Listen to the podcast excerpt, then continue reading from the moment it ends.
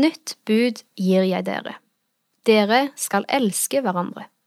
Som jeg har elsket dere, skal dere elske hverandre. Ved dette skal alle forstå at dere er mine disipler, at dere har kjærlighet til hverandre. Dette budet om å elske hverandre gir Jesus disiplene sine, og vi kan lese det i Johannes 13, vers 34 35. Jesus har akkurat fortalt at han bare vil være med disiplene en kort stund til. At dette budet kommer rett etterpå, syns jeg får fram hvor viktig det er for Jesus at vi som disipler skal ha kjærlighet til hverandre. Denne uka ser jeg nærmere på noen av imperativene som brukes i Bibelen. Imperativ er verb på bydeform, som for eksempel ta imot eller tro. Og i dag vil jeg se nærmere på en stor formaning Jesus gir oss, nemlig elsk hverandre. Det at vi som kristne skal elske hverandre, virker for meg som å være en rød tråd gjennom hele Bibelens ord til oss kristne. Vi finner den igjen og igjen. Den store kjærligheten Gud har til oss, ble vist gjennom at Han sendte Jesus for å sone for våre synder. Og når Gud har elsket oss på en sånn måte, så sier Bibelen at vi skylder da å elske hverandre. I Bibelen kan vi finne mange bud om hvordan kristenlivet skal se ut. For eksempel at vi skal rettlede hverandre, være tålmodige og ikke tale usant. Men grunnlaget for alle disse budene, det er kjærligheten vi skal ha til hverandre.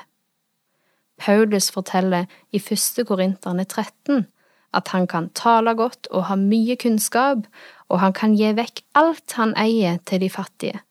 Men om han ikke gjør det i kjærlighet, så er han ingenting. Han kan være den flotteste disippel og den barmhjertigste samaritan, men om nestekjærligheten ikke er motivasjonen, ja, så blir grunnlaget helt feil. La alt dere gjør skje i kjærlighet, sier han noen kapittel senere. Det er et kall til oss kristne, at vi skal ære Gud og takke Han gjennom at vi elsker hverandre ustoppelig. Og det er en utfordring jeg tror du og jeg som kristen må ta alvorlig. At de tjenestene vi står i, og det kristne engasjementet vi har, ikke skal være for vår del, men for kjærligheten til Gud og vår neste. Jeg tror vi aktivt må velge å elske hverandre. Ikke bare å tolerere og bry seg om hverandre, men at vi setter våre brødre og søstre høyt og søker Gud om hjelp til å faktisk elske hverandre. Å elske noen er ikke alltid like lett. Som sagt så tror jeg det er et valg vi må ta. Det er heller ikke lett å vite hva det å elske hverandre betyr. Det kan ofte bli et abstrakt uttrykk vi sier uten å forstå hva det innebærer. For jeg skal jo ikke elske en kristen bror på samme måte som jeg elsker min mann. Og hvis jeg en dag får et barn, så er det en helt annen kjærlighet enn den jeg skal ha til ei i bibelgruppa mi. Jeg tror òg at det kan være enkelt å si at vi har kjærlighet til hverandre, men at vi ikke viser det på den måten som Bibelen ber oss om. Da er det godt at Bibelen er full av imperativ, enkle bud som forteller klart og tydelig hva vi skal gjøre for å elske hverandre. Nå vil jeg lese ifra Romerbrevet kapittel 12 vers 9 til 21. Så lukk øynene, sitt godt, og prøv å høre etter hvor mange imperativer Paulus bruker her for å forklare hvordan vi skal elske hverandre. La kjærligheten være oppriktig. Avsky det onde. Hold dere til det gode. Elsk hverandre inderlig som søsken. Sett de andre høyere enn dere selv. Vær ikke lunkne, men ivrige. Vær brennende i ånden, tjen Herren. Vær glade i håpet, tålmodige i motgangen, utholdende i bønnen. Vær med og hjelp de hellige som lider nød, og legg vind på gjestfrihet. Velsign dem som forfølger dere, velsign og forbann ikke. Gled dere med de glade, og gråt med dem som gråter. Hold sammen i enighet.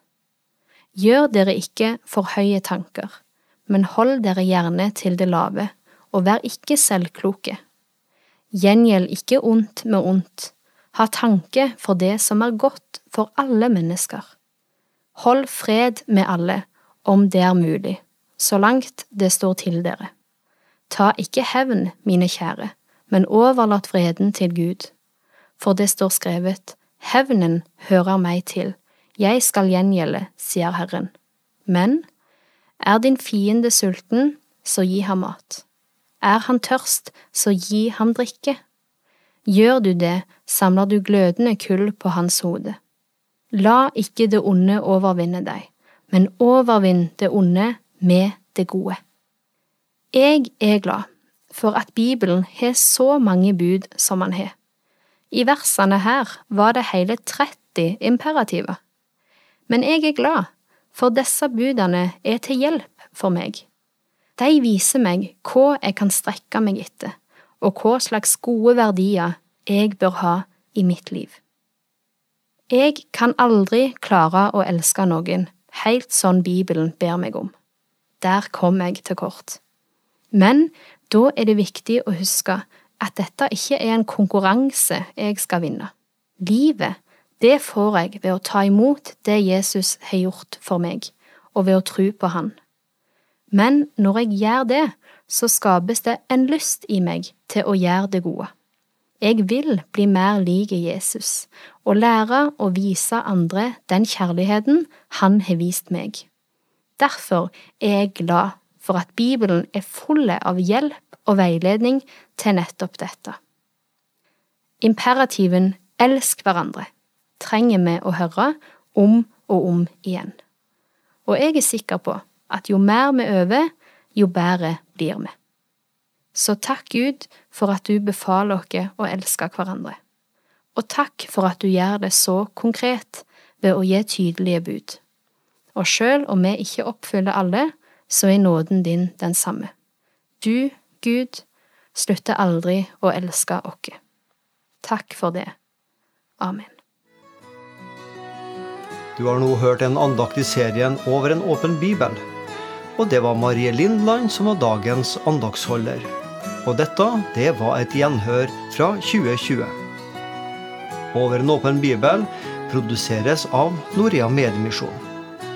Følg oss gjerne på Facebook og på Instagram, og der du får du flere ganger i uka oppdatert informasjon om det misjonsarbeidet vi i Norea driver med.